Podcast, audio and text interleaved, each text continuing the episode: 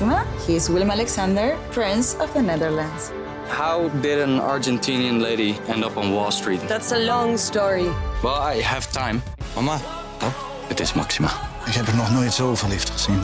Screw everyone. All I care about is you. Maxima. Vanaf 20 april alleen bij Videoland.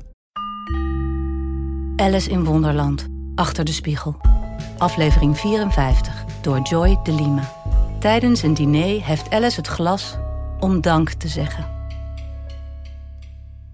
En toen gebeurde er van alles tegelijk. De kaarsen groeiden alle omhoog naar het plafond en zagen er zo'n beetje uit als een bos biezen met vuurwerk erbovenop. Wat de flessen betrof, zij namen elk een paar borden die ze haastig aantrokken als vleugels. En zo, met vorken als poten, fladderden ze alle kanten uit. Wat lijken ze op vogels, dacht Alice bij zichzelf, zo goed als ze nog kon in de vreselijke verwarring die op gang kwam. Op dat moment hoorde ze een rauwe lach naast zich en keek opzij om te zien wat er was met de witte koningin. Maar in plaats van de koningin zat de schapenbout op de stoel. Ik ben hier, riep een stem uit de soepterrine en Alice keek weer opzij, net op tijd om te zien hoe het brede, goedmoedige gezicht van de koningin eventjes naar grinnikte boven de rand van de terrine voordat ze in de soep verdween. Er was geen moment te verliezen. Reeds hadden verscheidene gasten het hoofd in de schotels gelegd en daar kwam de soeplepel over de tafel aangewandeld op Alice's stoel af, ongeduldig gebarend dat ze uit de weg moest gaan. Ik kan hier niet meer tegen, riep ze, terwijl ze opsprong en het tafelkleed met beide handen greep. Een goede ruk en borden, schotels, gasten en kaarsen stortten samen omlaag in een hoop op de vloer. En jou? Ging ze voort, zich fel tot de rode koningin wendend, die ze als de oorzaak van alle ellende beschouwde. Maar de koningin bevond zich niet langer naast haar. Zij was plotseling weggeslonken tot het formaat van een popje dat zich nu op de tafel bevond en vrolijk rondjes draafde achter haar eigen sjaal aan, die meesleepte. Op elk ander moment zou Alice zich daarover verbaasd hebben, maar ze was veel te opgewonden om zich nu over wat dan ook te verbazen. En jou, herhaalde ze, terwijl ze het wezentje te pakken kreeg, net toen het over een fles sprong die zojuist was neergestreken op de tafel. Jou sla ik tot poes. Hoor je? Al sprekend pakte ze haar van de tafel en rammelde haar uit alle macht door elkaar. De rode koningin verzette zich in het geheel niet. Alleen werd haar gezicht heel klein en kreeg ze grote groene ogen. En terwijl Alice doorging met haar door elkaar te rammelen, werd ze al maar kleiner. En dikker. En zachter. En ronder. En. En tenslotte was het echt een katje. Hare rode majesteit moet niet zo spinnen, zei Alice terwijl ze haar ogen uitwreef, respectvol, doch met enige strengheid tegen het katje. Je hebt me uit oh zo'n leuke droom gehaald. En je bent met me mee geweest, Kitty, overal in de spiegelwereld. Wist je dat, lieverd? Het is een heel lastige gewoonte van katjes, Alice had het al opgemerkt, om wat je ook tegen ze zegt, altijd te spinnen. Konden ze maar spinnen bij wijze van ja en mouwen bij wijze van nee, of zoiets, had ze gezegd. Dan kon je gesprek met ze voeren, maar hoe kun je met iemand praten als hij altijd hetzelfde zegt?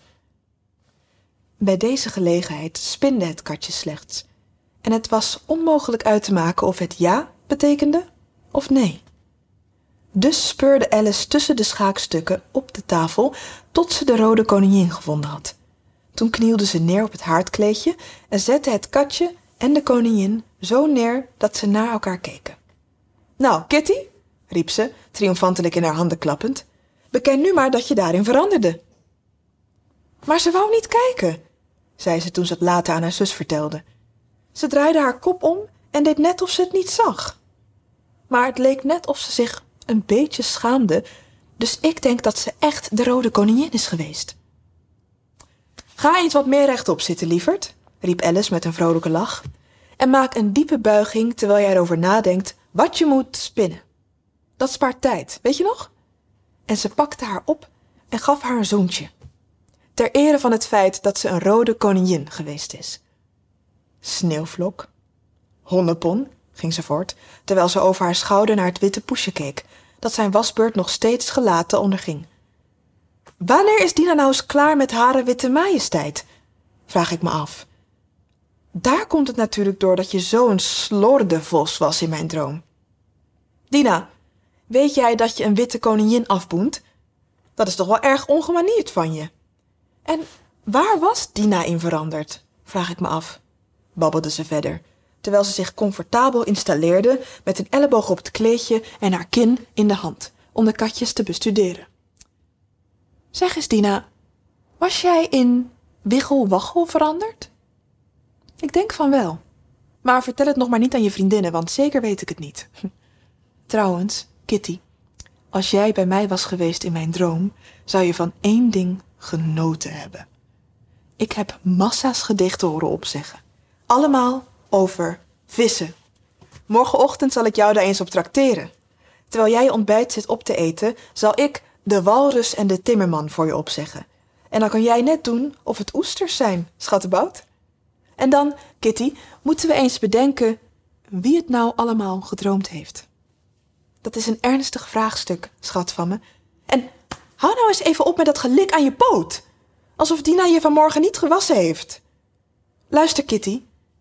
Of ik moet het zijn geweest, of de Rode Koning. Hij kwam voor in mijn droom, natuurlijk. Maar aan de andere kant kwam ik ook voor in zijn droom. Was het de Rode Koning, Kitty? Jij was zijn vrouw, lieve schat. Dus jij moet het weten. Oh, Kitty, je moet me helpen eruit te komen. Jouw poot kan heus wel wachten. Maar het plagerige katje begon alleen maar aan de andere poot en deed of het de vraag niet gehoord had. Wie denk jij dat het was? Alice in Wonderland is een podcast van Internationaal Theater Amsterdam, Het Parool en Stepping Stone Producties. Vertaling Nicolaas Matsier, uitgeverij Meulenhof Boekerij.